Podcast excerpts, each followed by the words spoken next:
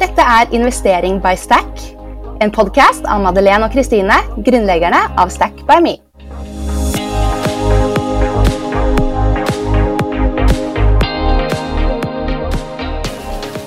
Podkasten er sponset av 247 Office, som er favorittregnskapssystemet vårt. Hallo og velkommen til Investering by Stack, podkasten der vi snakker om favorittemaet vårt business og penger. Hallo! Hallo! Med denne podkasten så ønsker vi å ha forskjellige typer gjester. Alt fra finansproffer til studenter og helt vanlige mennesker. Og i dag så har vi med oss en veldig kul gjest som blir håper vi, en bra motpol til de tre veldig proffe episodene vi har hatt med fondsforvaltere nå i det siste. Fordi hun her, hun har vi blitt kjent med via Instagram-nettverk. Og vi rett og slett elsker å følge med på henne. Hun er komiker og konferansier, og kaller seg selv den uperfekte mammaen. Og hennes spot on uttalelser og innlegg har fått masse oppmerksomhet, og hun er nå aktuell med norgesturné med standup-showet Mor Therese. Og Mor Therese er også Instagram-navnet som dere må søke opp. Så velkommen hit, Therese. Tusen takk. Herregud, så gøy dette blir. Ja, veldig. Dette må jo bli en morsom episode, tenker jeg. ja, det må, vi, det må vi se om ikke vi kan få til. Altså, hvis vi skal snakke om penger og sånn, så blir det jo gøy. Ikke sant? Det, det syns jo vi er veldig morsomt. Ja. Men kan ikke du fortelle litt med egne ord, en liten intro på hvem du er, da? Litt om deg og dine hobbyer og hvor gammel og hvor, bo, hvor bor du og sånne ting? Ja, eh, nå var det jo veldig flotte superlativer og hyggelig eh, intro dere hadde, men eh, så skal jeg gjøre den litt kjipere. Nei da, jeg heter jo Therese, og jeg er tobarnsmor, bor i Arendal og er 36 år. har hva skal jeg si, hobbyer. Jeg føler ikke jeg har så mye hobbyer lenger, fordi at hobbyen har jo på en måte blitt jobben min. Så, så det å drive med humor og, og, redigere og lage filmer og holde på, det er, jo, det er jo det jeg elsker å gjøre. Så det har jo på en måte blitt min fulltidsjobb, da. Så hobbyer utenom det er jo egentlig bare sånn sånn standard, sånn, sånn interiør og øh, Skal man si trene? Jeg føler jeg lyver når jeg sier det, men jeg har jo så vidt begynt å trene litt. Men det er jo det alle sier når de skal si hobbyene sine. Så jeg vet ikke om jeg, vet ikke om jeg skal eie den helt enda. Vår forrige gjest innrømte at hun hadde et satsmedlemskap i tre år uten å være det. Så ja. det er lov, det òg. jeg er med på noe trening som er gratis, så da, da er jeg med. Det, da er det greit, liksom. Og da kan man hoppe av. Så Nei da, men, men, jeg har skjønt det den siste tida at trening eller fysisk aktivitet er jo veldig bra for, for hjernen og for, for, business. Så det er egentlig derfor jeg har begynt å bevege meg litt. Egentlig så hater jeg fysisk aktivitet, men når det gjør det til en bedre businesskvinne, så tenker jeg da er jeg med. ja, det er også en veldig fin vinkling å se det på, da. Det er jo superviktig sånn sett for å kunne yte sitt beste. Ja, det er jo akkurat det. Så Men det er ikke det vi skal snakke om, for det er jeg ikke veldig god på. Nei, men eh, jeg digger at du sier at du at det, Hobbyen din har blitt jobben din det er jo, det er jo en win. Det er skikkelig ja, Det er jo utrolig stas, egentlig. Ja.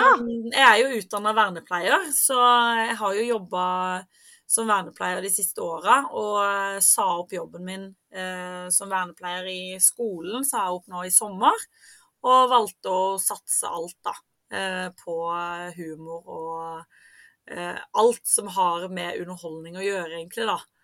Så, så, det er veldig gøy, og jeg er veldig, veldig glad hver eneste dag, føler jeg nå. Så det er kjempestas. Oh, så kult. Så kult. Så du har sagt opp 100 100 ja. Jeg hadde jo eh, Jeg gikk i eh, mammaperm. Jeg var jo gravid og hadde ulønna mammapermisjon eh, ganske lenge. Og så underveis der så begynte på en måte drømmen om dette standup-showet, da, Mor Therese, begynte da å, å koke litt på innsida. Og jeg begynte å skrive og satte meg et mål på at nå, nå skal det skje. Eh, for jeg hadde jo hele svangerskapet hadde en svangerskapsdepresjon som gjorde at eh, eh, jeg var jo ikke lenger meg sjøl. Den der gledessprederen som jeg var vant med, den var jo helt borte, og livet var utrolig mørkt og tungt. Og jeg hadde ingen følelse for babyen i magen. Så når jeg da kom ut av det, så var jeg veldig sånn shit. Ingenting kan jo bli verre enn det, så nå kjører vi på. Åh, Så oppi, ja, hele, oppi det hele så fant du ut at du skulle gjøre komedie ut av dette her, da? Rett og slett, ja. Eh, det var en, eh, en kollega av meg altså innenfor eh, standup som sa, når jeg på en måte fortalte henne Når jeg hadde kommet ut av depresjonen, så sa jeg at eh, det her er grunnen til at jeg har trukket meg vekk fra alt og alle, fordi jeg har hatt det skikkelig tøft. Men nå er jeg frisk igjen, og sånn var livet mitt. Og da sa hun det her må du lage show om, og da ble det sånn. Å, så gøy. Jeg gleder meg veldig til å se deg her i Larvik. eh, Det er vel eh, i mai en gang?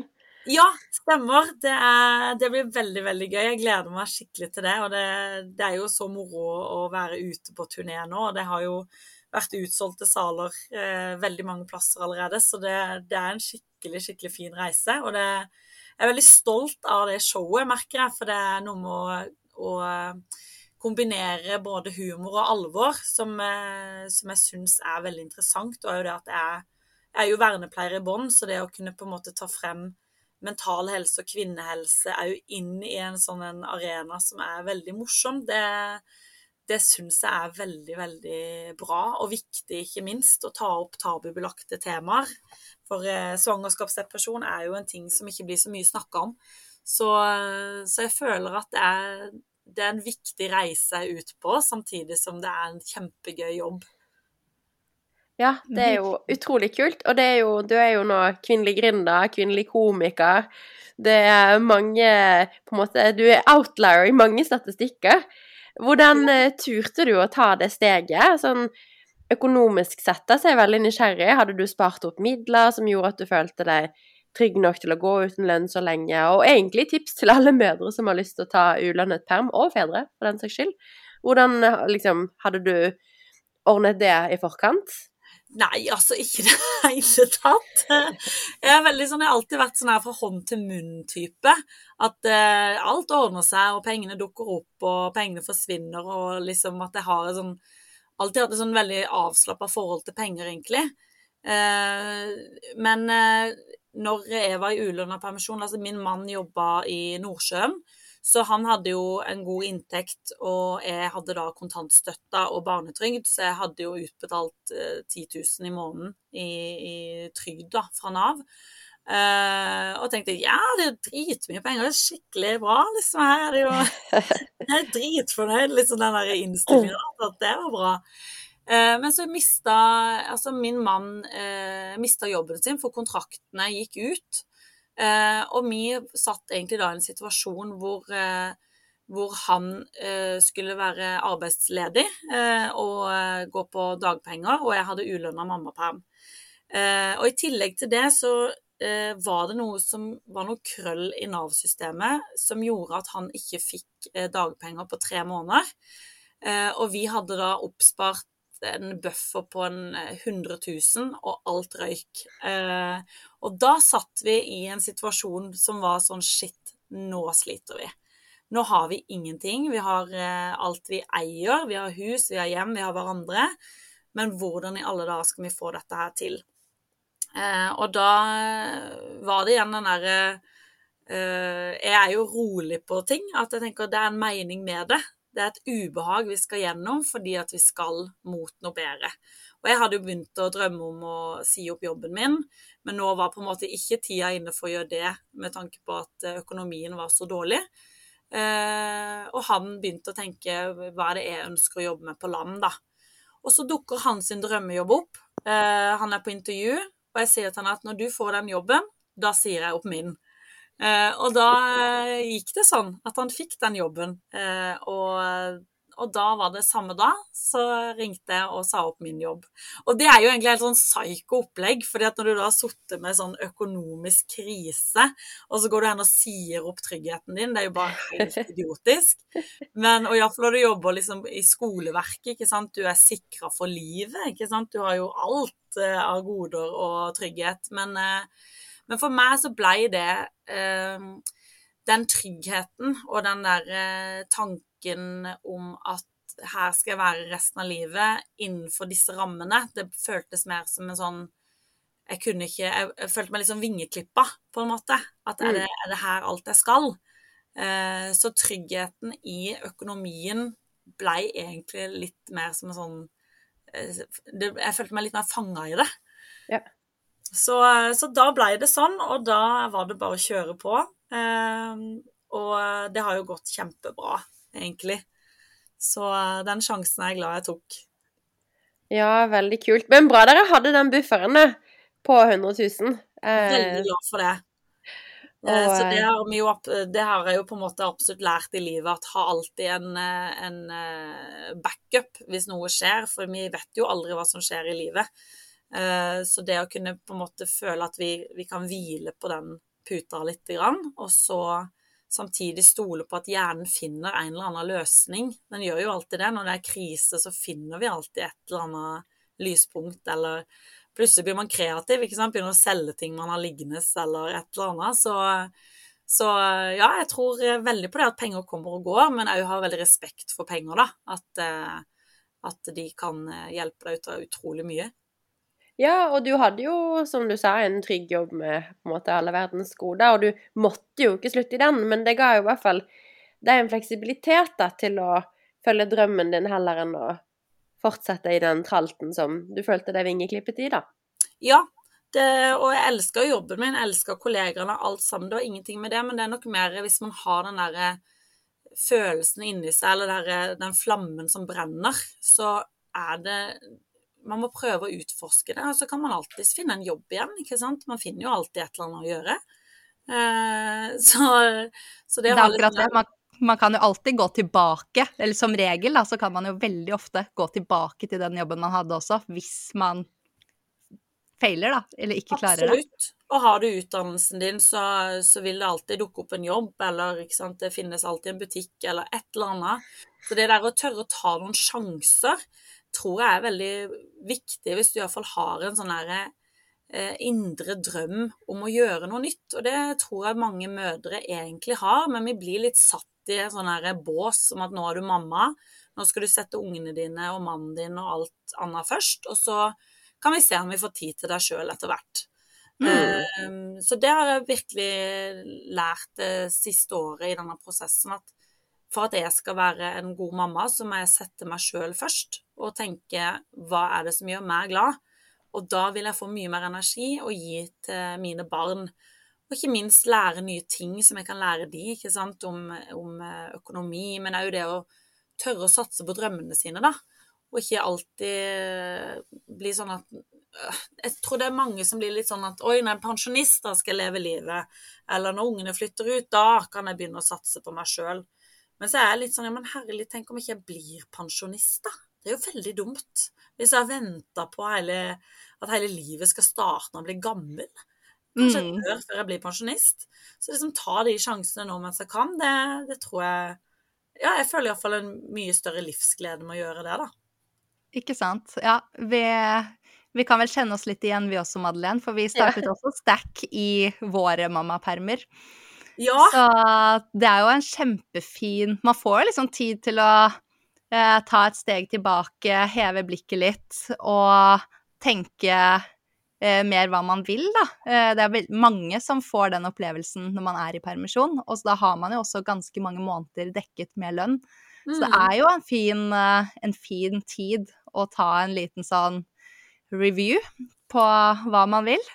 Ja, det er jo det, og så er det jo ikke klart Altså, man har sykt mye tid, og det er litt kjedelig å gå hjem i pam, så man blir jo kanskje litt sånn der rastløs, og da blir man jo fort litt kreativ òg. Og tenker mm -hmm. det er jo litt gøy.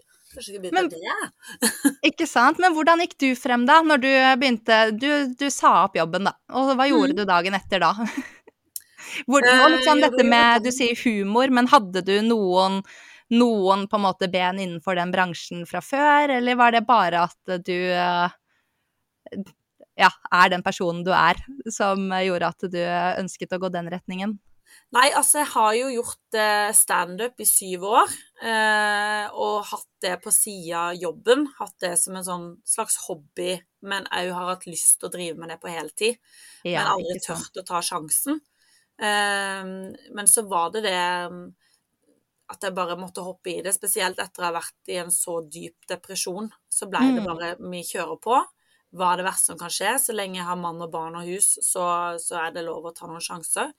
Så, så dagen etter jeg hadde sagt opp jobben, så var jeg jo på en måte eh, Jobbe på på internett, eh, lage morsomt innhold, eh, dukke opp der man kan dukke opp. Eh, og fortsette å skrive, sette seg mål for dato, booke kulturhus. Eh, egentlig sette i gang og jobbe som min egen manager, da. For jeg har jo gjort hele jobben sjøl. Jeg har eh, ikke vært del av noe management. Jeg har bare gjort alt sjøl og lært underveis, da.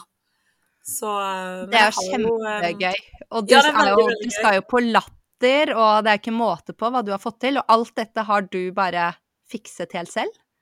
Ja, eh, men jeg har jo hatt mye venner og sant, eh, nye bekjentskaper som har hjulpet og delt på Instagram f.eks.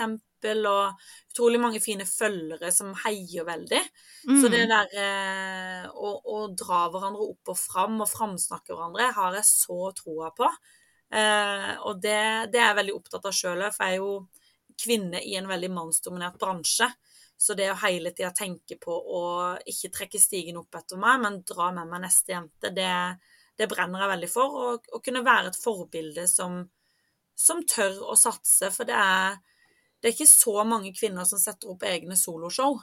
Men eh, For man har nok litt den tanken at eh, har man lov til det, eller eh, må jeg ikke ha et management i ryggen for å gjøre det? Det er ganske mye investering som kan gå galt, ikke sant? Du er avhengig av å selge et visst antall billetter um, for å i det hele tatt dekke leia til Kulturhuset. Eh, Så det er jo mye sånn, sånne ting man er litt redd for, da. Men, eh, men Ja, for hvordan funker det? Må du betale depositum på disse lokalene og dekke leien uansett hva som skjer, eller kan du kansellere? Ja, altså man kan jo alltids kansellere, men da er det jo gebyr på det. Og hvis det er så så nærme eh, et show, så er det gjerne hele leieprisen. Eh, men ellers er det jo eh, at, man gjør det i etterkant, så du må aldri betale noe i forkant, heldigvis. Så da kan du på en måte da får jo iallfall jeg veldig sånn motivasjon i at shit, da skal vi iallfall selge. For her skal ikke jeg sitte og tape noe. Her skal, her skal vi knalle til. Ja, det er virkelig skin in the game, da. Bare det må lykkes, liksom. Ja, så, men så er det det, du har det gøy på veien, og, eh, og jeg tror nok ikke jeg, jeg har aldri vært stressa for, for det. Jeg har bare tenkt at det her er bra, og det her kommer folk til å like. Så, så dette ordner seg, og så gjør jeg jobben min med å, å reklamere og promotere og lage ting som er morsomt, sånn at folk får en, en tanke om at eh, oi, Herlig har et show, ja, men det må vi jo gå på, hun er jo ganske vittig. Så, for jeg, Mm. har jo, jeg er jo ikke en TV-komiker, så enda. Ja. så så da, da må man jo på en måte tenke litt annerledes, for du får ikke så mye gratis. Eh, ut ifra at du når jo ikke så ut som du hadde gjort på en TV-skjerm, da. Nei. Men hva eh, Hva var det jeg skulle spørre om? Jo, hvor, eh, hvor mange show har du satt opp nå, da, på denne turneen? Nå på vårturneen er det ti show jeg har satt opp. Og så er jeg i planleggingsfasen nå med høstturneen. Så det blir jo en del reising eh, i år. Det er ingen tvil om. Mm. Ja, det er det- utrolig kult. Og det du sier om eh, å bruke nettverket sitt, det er også veldig bra at du sier, fordi det er også sånn som blir liksom trukket frem, da, at man må bruke nettverket, og så er det veldig mange som tenker at men jeg har jo ikke noe nettverk. Mm. Eh, jeg kan ikke få til det, for jeg kjenner ikke alle de som de andre kjente, eller det var lettere for de andre fordi de kjente så mange. Mm. Men hvordan har du på en måte gått frem der? For det er jo veldig mange som forteller også at man har så mye større nettverk enn man tror, da, for man kjenner alltid én, eller vet om en som kjenner noen, og så må man liksom hele tiden bare grave seg veien litt sånn frem. Mm. Altså, jeg tror veldig mange tør ikke å starte fordi at man har ikke hele planen på plass. Eh, jeg tenkte nok litt sånn at de rette folka dukker opp når jeg trenger de. Kaster litt ut i universet sånn OK, nå trenger jeg det. Og så har på en måte det mennesket dukka opp, da. Eh, men òg det der å bruke ikke sant, I starten, når jeg starta for litt over et år siden, så hadde jeg 1200 følgere på Instagram. Eh, nå har jeg nesten 10 000, så det har jo skjedd en ganske stor økning. Men i begynnelsen så er det jo på en måte nesten bare vennene dine som følger deg. Mm. Eh, men hvis du har en venn, så har kanskje den 500 venner på Facebook, f.eks. Eh, og det å på en måte at én venn deler ditt innlegg eller din plakat eller det du driver med, så når det ut til ganske mange. Eh, så det å bruke de nærmeste først, spørre pent eh, Og jeg er jo sørlending, så jeg syns jo det er skikkelig vanskelig å spørre om hjelp. Eh, vi har jo litt sånn i oss sånn Nei, skal ikke være til bry, vet du. Ja. Så, så det er jo, er jo ute av komfortsona hele tida. Men å gjøre det for du må bare gjøre det. Du må bare ut av den komfortsonen og spørre om hjelp. Og de fleste har jo lyst til å hjelpe deg. Og hvis du snur det rundt at noen spør deg om hjelp, så er det jo Ja, selvfølgelig skal jeg hjelpe deg. Det er jo bare koselig. Så, Mm. så ikke være så veldig redd for å spørre om hjelp, fordi at eh, ut av 500 mennesker, så kanskje to stykker følger deg, da. Eller fem stykker følger deg, og så øker det og øker og øker. Eh, og så må du bare levere. På en måte levere noe som som er gøy eller interessant, eller som gjør at folk eh, stopper opp. Og jeg selger jo på en måte latter, ikke sant, så for meg er det jo å skape noe som får folk i godt humør. Eh, men få til et eller annet som engasjerer, det tror jeg er veldig, veldig viktig i den bygge seg opp-prosessen. Men ikke være så veldig redd for eh, og tenke at oi, jeg, må, jeg kan jo ikke begynne før jeg har hele planen klar. Eh, jeg må jo vite alt. Jeg hadde jo ikke peiling på en drit. Jeg, jeg visste jo ikke hvordan man lagde plakat, eller hvordan man eh, markedsførte. Jeg hadde ikke peiling på noen ting. Jeg visste bare at jeg må, jeg må skrive et manus, og jeg må sette meg en dato for når jeg skal ha premiere. Sånn at jeg har et mål i sikte, da. Mm. Og da på veien så dukker ting opp fordi at du er så på, ikke sant. Så du ser, du ser nok ting med litt andre øyne fordi at du, du vet hvor du skal. Mm. Og så har du jo da også måttet opprette Har du opprettet et AS og satt deg inn i liksom Det er sikkert masse ting på veien, det å starte et eget selskap, som ikke bare var eh, markedsplan og alt det gøye også, men alt det praktiske rundt det. Ja, Hvordan var det? Det er jo eh, Det er jo det som er utfordrende. Jeg har jo et enkeltmanns... Eller enkeltpersons enkeltkvinnesforedrag. Ja. Eh, nei, det har jeg hatt, og så er jeg nok begynt å tenke litt på det å starte et AS, men jeg er nok en som er litt sånn der eh, Jeg er jo veldig kreativ, ikke sant. Jobben min er Kreativ er jo det man kaller drive utøvende kunst, ikke sant. Så mange ting blir fort litt stressende i hodet mitt, tar mye energi. Og det kan f.eks. være regnskap og alt mulig sånt, og nå tar min energi veldig. Mm. Så, så nå er jeg liksom på det stadiet at jeg har tenkt at jeg må, jeg må delegere litt for å komme videre, da, på de tinga. Så, mm. Ja, der må jeg jo si meg veldig, veldig enig. Selv om jeg er økonom, så er det bare sånn regnskap. Vet du hva? Med en gang regnskapsfører. Vi har jo nå faktisk eh, blitt sponset av 24-7 Office med det regnskapsprogrammet vi bruker.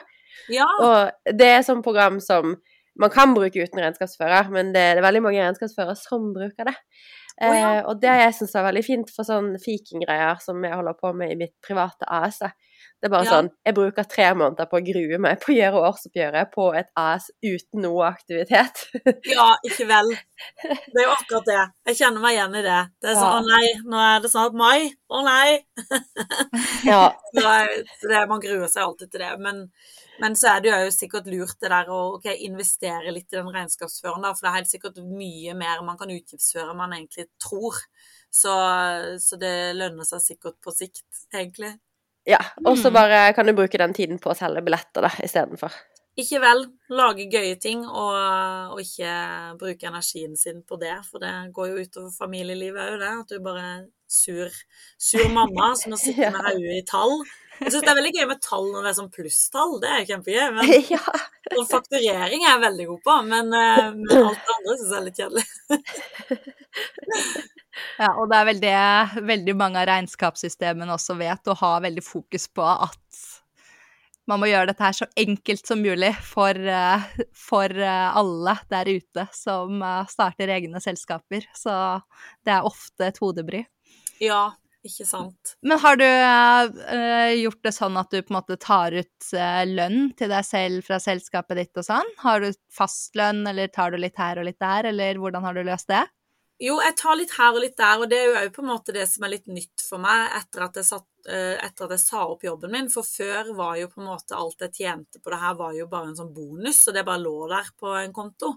Men Mm. nå er jo på en måte det alt jeg får. Så jeg har jo virkelig fått tenke nytt på det òg, at jeg får jo ikke bare penger automatisk inn eh, fra kommunen lenger.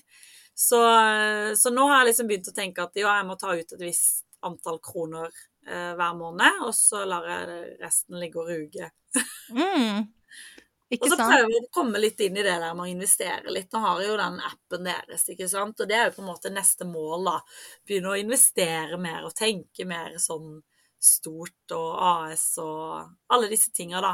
Eh, men det Ja, det liker vi å høre. Klapp, Ja, klapp. og mannen min er jo veldig på det, men jeg syns jo det er veldig kult det med at dere legger opp et løp som er veldig sånn retta mot kvinner. For vi syns jo sånne ting kan føles litt overveldende og litt vanskelig. Mm. Eh, mens menn ofte er litt sånn Ja, men vi sparer jo i fond, og ja, det er teknologi, og ja, ja, ja. Så jeg bare sånn okay. Eh, Så det- mannen din, han, han eh, sparer litt i fond for dere? Ja, for eh, til ungene har han liksom tatt ansvar for, eh, for fond og sparing til barna. Ja. Eh, så, så er jeg liksom sånn Jeg liksom tar et skritt av gangen, og så kjenner jeg ok, nå er jeg klar for det. Så nå, da setter jeg meg inn i det når jeg føler at eh, nå er hodet mitt der. Så, men hele tida setter seg mål på det å, å ekspandere eh, og tenke på Selv om man har et enkeltpersonsforetak, så behandle det som en ekte bedrift, så, så vil man jo på en måte eh, hele tida kunne vokse, da. Så lenge man har respekt for det man driver med. Mm.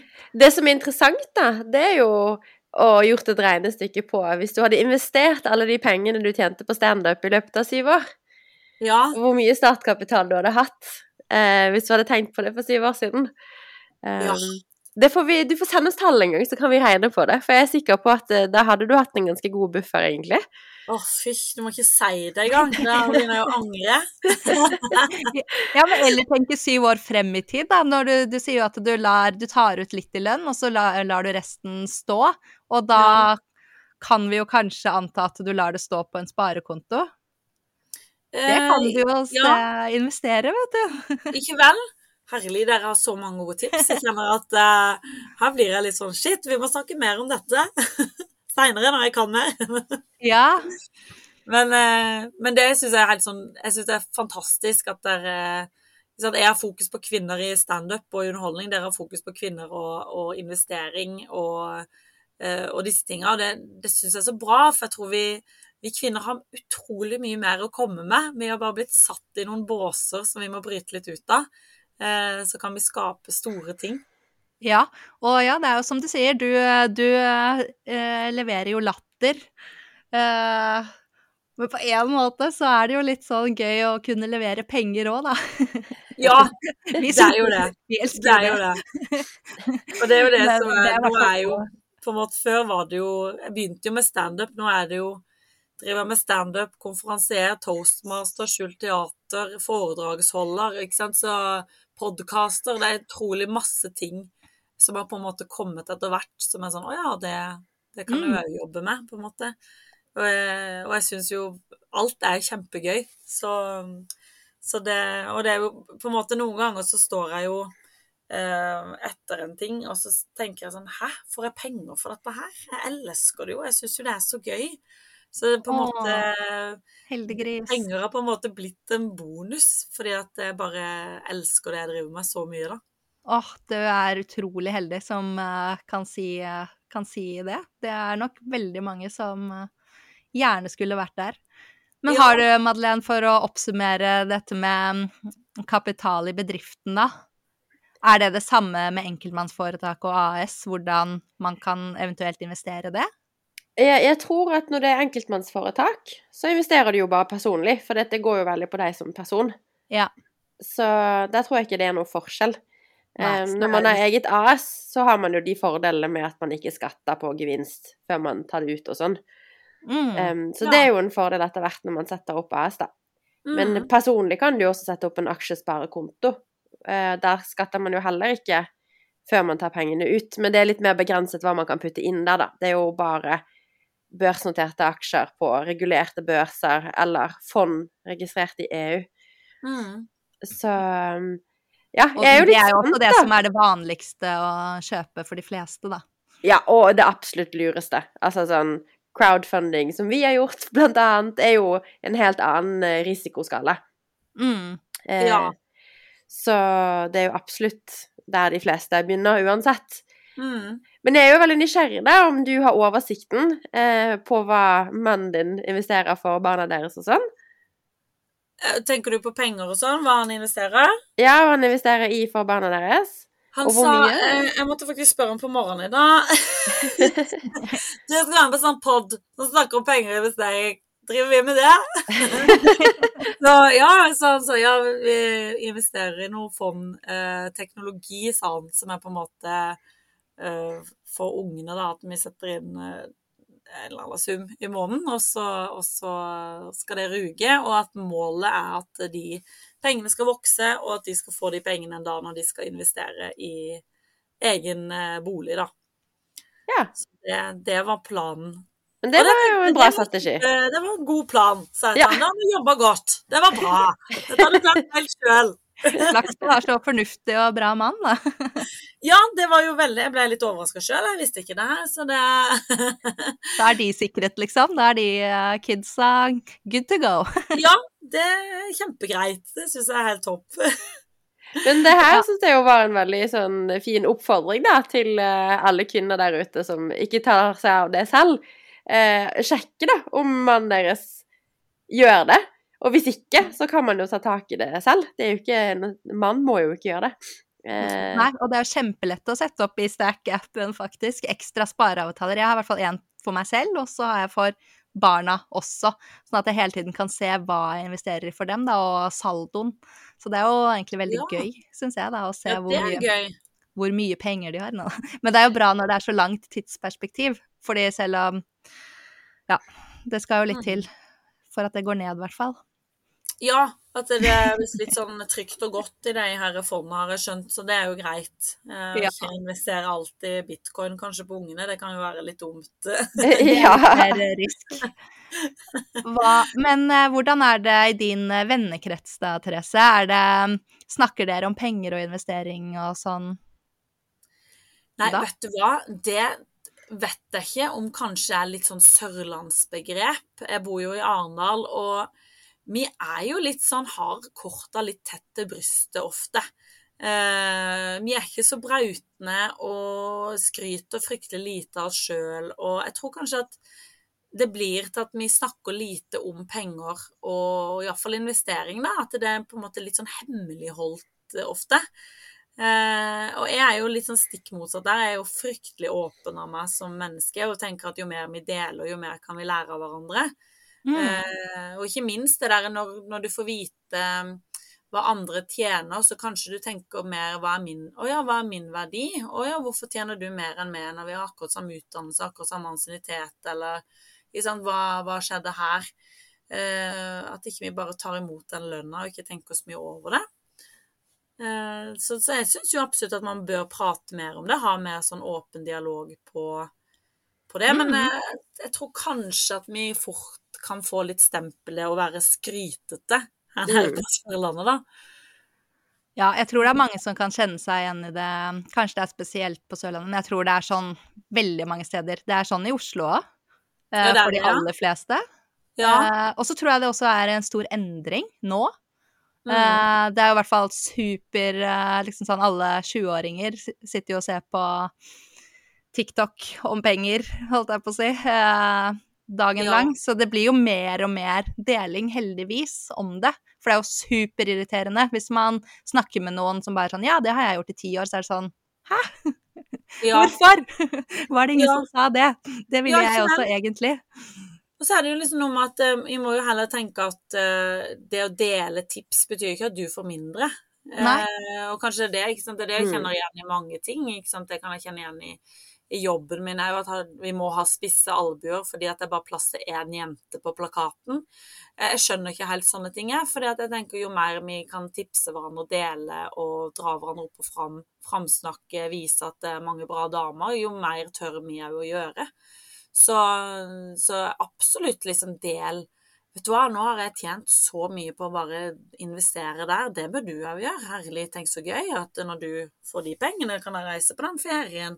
Mm. Altså motivere hverandre heller litt på det, og ikke, ikke Jeg tenker i hvert fall det at når jeg ser eh, en venninne eller bekjent eller familie som har tjent mye penger på å investere, så blir jeg inspirert. Jeg blir jo aldri misunnelig eller eh, eller snakker de ned. Jeg kommer jo hjem til mannen min bare sånn «Hør, Nå skal du høre her! Nå skal du høre! Det må vi jeg begynne med. Så jeg blir jo veldig motivert og inspirert, da. Så jeg tenker hvis vi heller kan snu den tanken om at eh, når noen sier noe eh, som er pengerelatert eller, eller, eller basert på investering eller inntjening, så, så se på det som at Oi, hvis hun kan, da kan jeg. Mm. Bruk det heller som motivasjon. Virkelig. Helt, eh, helt enig. Det Ja, kunne ikke sagt det bedre selv. Nei, ikke sant? Ja, men så bra. Men hva med eh, dine drømmer, da? Har du noen store, grandiose eh, økonomiske drømmer? Ting du sparer til, eller et liv du ønsker deg? Åh, ja, det, det har man jo, og det er jo en sånn ting jeg har begynt å øve meg på å tørre å si. Jeg prøver å Jeg har jo jobba i kommunen, så jeg kaller det for den kommunale hjernen. At det, Ja. at det er veldig sånn begrensa, ikke sant. Ja, du tjener eh, så og så mange tusen i løpet av året, og det er det du tjener fram til du er pensjonist, liksom. Så jeg har liksom kommet veldig ut av den kommunale hjernen, måtte jobbe mye med det for å liksom begynne å tenke at eh, ja, kanskje jeg kan tjene litt mer enn eh, 20 000 i måneden. Å ja, kanskje jeg kan få til det. Eh, og jeg har jo egentlig en drøm om å på en måte Jeg har lyst til å investere i et litt større hus. Eh, nå som vi har blitt eh, fire i familien, så hadde det vært greit å ha et litt større hus. Eh, og kunne på en måte ha en hverdag som gjør at man ikke er så bekymra for penger, da. Mm. Det, det er vel egentlig drømmen for alle, men eh, eh, Og så har jeg veldig lyst til å investere mer i eiendom. Vi har, uh, vi har et hus, og så har vi en hytte. Eh, og så hadde det vært veldig gøy å ha en leilighet i utlandet, f.eks. Så sånne ting er litt sånn jeg drømmer om, da, på sikt. Ja, kult. Ja, nei, det er jo veldig Det er jo litt gøy å ha noen sånne gulle, gulrøtter eh, å se, se frem mot. Eller Ja. jobbe for. Det er jo det, og, og bare følelsen av på en måte Hytta kjøpte vi jo når jeg var gammel, var det? Rett bikka 30, 32 eller noe sånt. Eh, og det å på en måte kjøpe en hytte som du egentlig tenker er noe du må gjøre når du blir pensjonist, var på en måte fryktelig stort. Men det Mm. har jo vært en av de beste investeringene. Ikke bare med tanke på at du har eh, mer sikkerhet, men òg det at du investerer i opplevelser og minner. Mm. Um, så jeg er nok mer på det at jeg vil investere i noe som gir oss eh, lykkefølelse i en eller annen form. Enn Mm. den der, det materialistiske er ikke så viktig. Det er mer livsgleden. Mm. Man må liksom passe seg for um, uh, at man har litt realistiske drømmer også. Det er jo mange som liksom kan sitte på Instagram og bare åh, man må liksom ha det villeste huset og villeste bilen, og alt må være det villeste. Og da kan man jo Mm. fort bli veldig misfornøyd, da, fordi det er jo ikke realistisk i det hele tatt.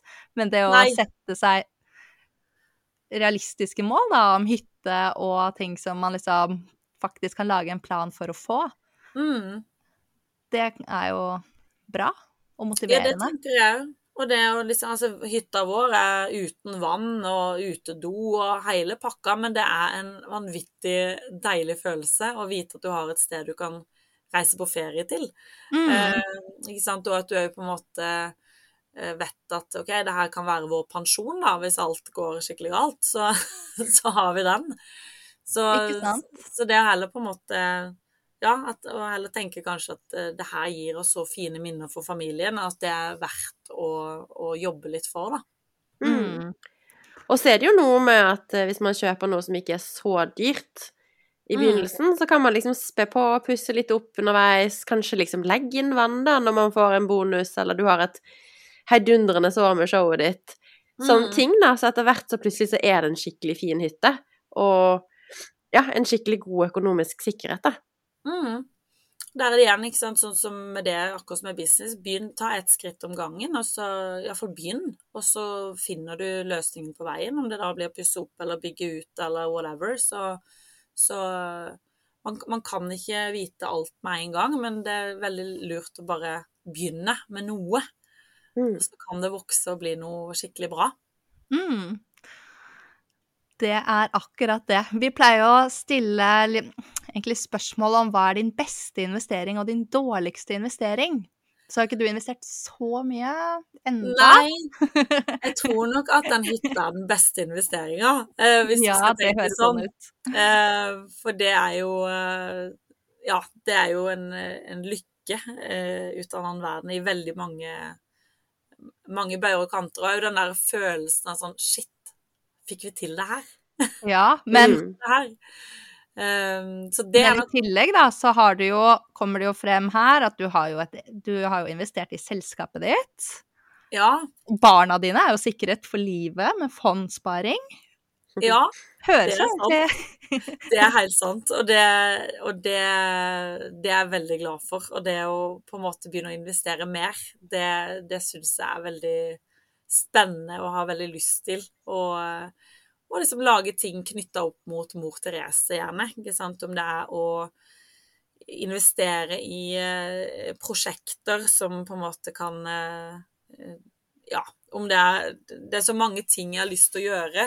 Nå er det jo et show på veien, men jeg, jeg har jo mange store drømmer og mål innenfor eh, min egen bedrift som jeg nok må investere litt i for å se om eh, Kan vi få det til, så må man jo gjerne legge inn noen penger for å få det til, da. Mm. Så, så det kommer nok eh, mye mer. eh, Så, så iallfall drømmene og planene er der, og så må vi bare ta én ting om gangen. Ja, det er det man må starte med. Men eh, ja, det blir jo Madeleine, jeg vet ikke. Hva er det Therese må sjekke ut da? Da er det jo liksom underhold... Man kan jo investere i underholdning, vet du, Therese. Ja, Netflix er det vel veldig mange Ja. som har blitt rike på. Men uh, jeg vet ikke om vi har noen uh, veldig kule fond. Ja. Vi får være litt på utkikk, Madeleine, og finne noe skikkelig bra. Ja, vi har jo ikke Jeg tror ikke vi har en underholdningsfond i appen, eller det vet jeg at vi ikke Nei. har eh, helt ennå. Skal holde utkikk etter en underholdnings-ETF for deg, Ja. eh, Therese. Ja, Og så kommer jo aksjer og enkeltaksjer kommer jo i appen i løpet av året. Så da er det jo bare å fråtse Netflix og Disney og Ja, andre alt underholdningsselskaper. det man bruker sjøl. Man bør jo bare investere i det man tenker du er inne på hver eneste dag. ja, det er jo noe med det. det. Vi er jo veldig på å anbefale det, da. fordi da, da skjønner man det mye lettere, og så blir det mer gøy. Og så Mm. kommer man på en måte i gang, fordi det er jo ofte det viktigste. At man bare kommer seg i gang. Eh, og er med da, på den veksten som eh, Ja. skjer hvert eneste år. Ja, jeg vil bare presisere at verken Disney eller Netflix var en investeringsanbefaling. Bare et oppramsing av selskaper innenfor underholdningssektoren. Det er Ja, greit å Greit å avklare det. Kan man uh, investere i Broadway? Ja, det er mange, mange ting som eh, Men ja, det å finne liksom eh, en liten En sjanger, da, en sektor, som eh, passer litt inn i ditt liv, og det kan jo være bra når du nå skal begynne å sette deg inn i dette her. Ja, det er jo veldig spennende, og det er jo, det er jo utrolig mye gøy der ute. Men det er jo det som jeg sa tidligere òg, at dere gjør det enklere. For vi, vi føler at det er Jeg tror veldig ofte at kvinner føler at bare man bruker ordet investere, så blir man litt sånn shit, hva betyr det? Nå blir jeg dritstressa, jeg driter i det, jeg går og baker en kake, liksom. Eh, så, så det å gjøre liksom det forenkla og gjøre det litt gøy, ikke sant, da, da blir det jo òg eh, mer motiverende. Og heller kanskje begynne å tenke sånn OK, jeg har lyst på den genseren, eller jeg går bare og trøsteshopper et eller annet, eller whatever. Nei, hva med heller bruke den 200-lappen på å putte inn i et eller annet, da? At den kan vokse. Begynne å endre litt på vanene sine på hvordan man bruker penger. Så kan Mhm. jo egentlig alle investere. Ja, Madeleine og jeg pleier jo å være veldig glad i å drikke kaffe på avkastningen, så de ukene som det går veldig bra, så blir det, blir det bolle i tillegg. Ja. herlig, det er jo kjempemotiverende. ja. Men er eh, motiverende. snart er vi der at vi kan kjøpe vesker på avkastningen, Det. Det blir jo helt rått. Å, fy søren. Eller så kan man velge å reinvestere det, da, så blir det en bil. Ja, Det er jo det som jeg tror er litt sånn utfordringa, for man har jo så lyst til å belønne seg når man har gjort noe bra. Ja. Eh, Men det å heller kanskje eh, stoppe den tankegangen. For jeg er nok en som er veldig god til å handle ting når jeg har vært flink. Det har jeg nok helt fra barndommen av. At sånn, å, nå er du flink, så nå kan du unne deg den genseren eller den jakka eller whatever. ja. Og, så, eh, og så vokser jo på en måte det mye seinere, fordi man er dum og investerer i sånn hverdagspiss, som jeg kaller det. Eh, og så fyller du opp skuffer og skap med ting du egentlig ikke trenger, som egentlig blir en belastning på et senere tidspunkt, som du er nødt til å rydde, og du er nødt til å kvitte deg med det igjen. Og sånn, ah, det var ikke så, var ikke så fin allikevel, den genseren. Og så har man egentlig brukt så sjukt mye penger i løpet av et år Ja. på klær og interiør og ting som bare ble en sånn one-timer. Og da, da er det jo liksom Det var, det var sånn målet jeg satte meg i fjor, at jeg begynte å tenke hva er det egentlig jeg bruker pengene mine på? Og da tenkte jeg shit, jeg er mye på senteret, altså. Jeg er mye sånn innom. Bare sånn, Mm. ja, jeg må slå i hjel ti minutter, så brenner du av 500 kroner på ingenting her og der. Uh, og da ble et mål at jeg skal kjøpe bare det jeg trenger, og ingenting annet. Og da sparte jeg jo helt sjukt mye penger, bare på å begynne å tenke over hva er det jeg bruker penger på i hverdagen. Um, og da kan man jo bruke de pengene igjen og putte inn i andre ting. Og det har jo jeg gjort. Jeg har jo ikke kjøpt interiør, ikke kjøpt klær, brukt alt jeg har, og så tatt heller de pengene som ligger der, eh, og investere da i et eller annet, ikke sant. In- Investere i plakater eller et eller annet redigeringsprogram eller whatever som du trenger i bedriften for at bedriften skal vokse, og at du skal lære nye ting. Mm. Det syns jeg var en veldig bra oppfordring. Det kan jo være episodens eh, oppfordring. Hver gang du har lyst til å eh, trøsteshoppe eller belønningsshoppe, tenk over om du virkelig trenger det. Og hvis du ikke trenger den tingen du har lyst til å kjøpe, kanskje heller ja, investere det i noe, enten til bedriften din eller til i fond, eller hvis du akkurat har unngått å kjøpe liksom 100 puter til på Kid, kjøp litt Kid-aksjer vel? istedenfor. Og Eh, noen ganger rett og slett bare gi vekk heller de pengene. Ok, jeg har 200 kroner, gi det heller til noen som trenger det, Mm. og så får du det igjen på et eller annet vis en eller annen gang. Jeg tror veldig på det der, gi vekk, og så får du tilbake der du trenger den hjelpa et annet sted. Mm. Så, så heller være litt sånn mer raus med pengene, både for en sjøl, men også for andre, og, og liksom ja, være mer oppmerksom på at eh, det er mange som Man kan investere i mange menneskers glede òg. Eh, og det Nå ble jeg vel, nå hørtes jeg veldig sørlandsk og nyfrelst ut. Det var ikke meninga. Men Vi eh, trenger det. Det er det er sånn- veldig riktig. investere i gleden. Gleden Ja. å gi. Og det er sånn, hvis popper det opp en eller annen spleis, eller et eller annet, ikke sant, eller noen som sliter, en alenemor som sliter med å få endene til å møtes, vet du hva, heller gi den 200-lappen til henne, da, enn å gå og kjøpe eh, et eller annet drit på, på Hense Maurits. Så, så investerer du jo på en måte i egenglede òg. Og når du er glad, så skaper du masse nye ting for egen bedrift og deg sjøl. Det tror jeg Mm. veldig på. Enig. Ja, og Madeleine, du eh, Jeg jeg er enig i at det var en bra oppfordring til lytterne, men vi får ta en oppfordring til eh, Therese, da. Jeg tror, du, vi tror vi trenger litt hjelp av deg til å gjøre aksjer og investering enda morsommere, så ikke alle får lyst til å gå og bake kake isteden. Ja, Det får bli ditt neste show. du, det, det er helt sant, og jeg skal virkelig, jeg skal virkelig dypdykke litt bedre i den appen nå. Ja. og, og tenke mer, for det her er på en måte noe som har eh, begynt å vokse veldig i meg den siste tida. At jeg har lyst til å lære mye mer om investering og, og la bedriften min bli enda større, og hvordan få dette her til. Så, så jeg syns, eh, det, det det fellesskapet dere har skapt inn på appen, er jo kjempebra. Og så må man bare begynne å ta det i bruk. Ja, ikke sant? Vi får eh, eh, Skal begynne å følge deg der inne. Da kan vi se, vet du, følge litt med. Ja, det er jo litt skummelt, men det er jo Nei, litt det er gøy. gøy. En gang vi legger til litt sånn underholdning i ETF til deg, vet du, så ser vi at det popper ut opp på feeden vår at du har kjøpt den. Da blir vi glad. Da, da kan vi takke hverandre, på en Ja. måte. Nei da. Men eh, ja, vi eh, Det er viktig, det. det. Det er gøy å investere, og vi får eh, Det er noe vi jobber med også. Hvordan vi skal Ja. få frem at det er enkelt, og det er gøy, og ja. I hvert fall gøy når man gjør det sammen. Kanskje vi skal eh, begynne på standup. Ja. Ja, bli med! Holder nå litt foredrag, men det er ikke så mye humor der. Nei, men altså, det kan vi jo ordne. Jeg Ja. kan komme noe, kan komme noe hint der. Ja, Hvordan gjøre det morsommere. bra. Nei da, men da har vi en deal. Men jeg tror vi rett og slett uh, bruker opp tiden vår, ja.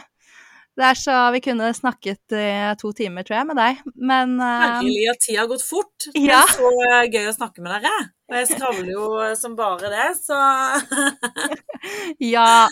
Men eh, ja, tusen takk for at du har blitt med å podde, Therese. Og det har vært skikkelig gøy. Og jeg er sikker på at veldig mange kan kjenne seg igjen i ja, masse av det du sier, og dine erfaringer. Og jeg tror du har vært til veldig inspirasjon for veldig mange også. Så vi gleder oss til å følge deg videre på Instagram og med showet ditt. Lykke til. Og helt rått alt eh, du gjør. Så vi heier på deg. Å, takk i like måte. Tusen takk for at jeg fikk lov å være gjest hos dere. Dere er kjempebra jenter, så jeg heier skikkelig, altså. Å, takk. Tusen Yay! takk for at du stilte. Veldig gøy å ha deg på besøk. Jo, takk for at jeg fikk komme. Ha det! Ha det.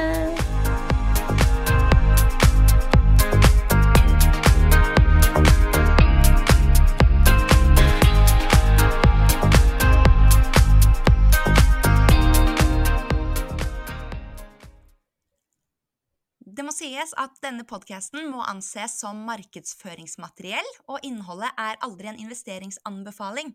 Podkasten er kun ment til inspirasjon og informasjon. Så innholdet i podkasten bygger på offentlige, tilgjengelige kilder som Stack anser som pålitelige, men vi kan ikke gi noen garanti for nøyaktighet og fullstendighet bak dette. Så Stack by me tar ikke ansvar for eventuelle tap som dere lyttere kan møte dersom dere bruker informasjonen som blir gitt i denne podkasten.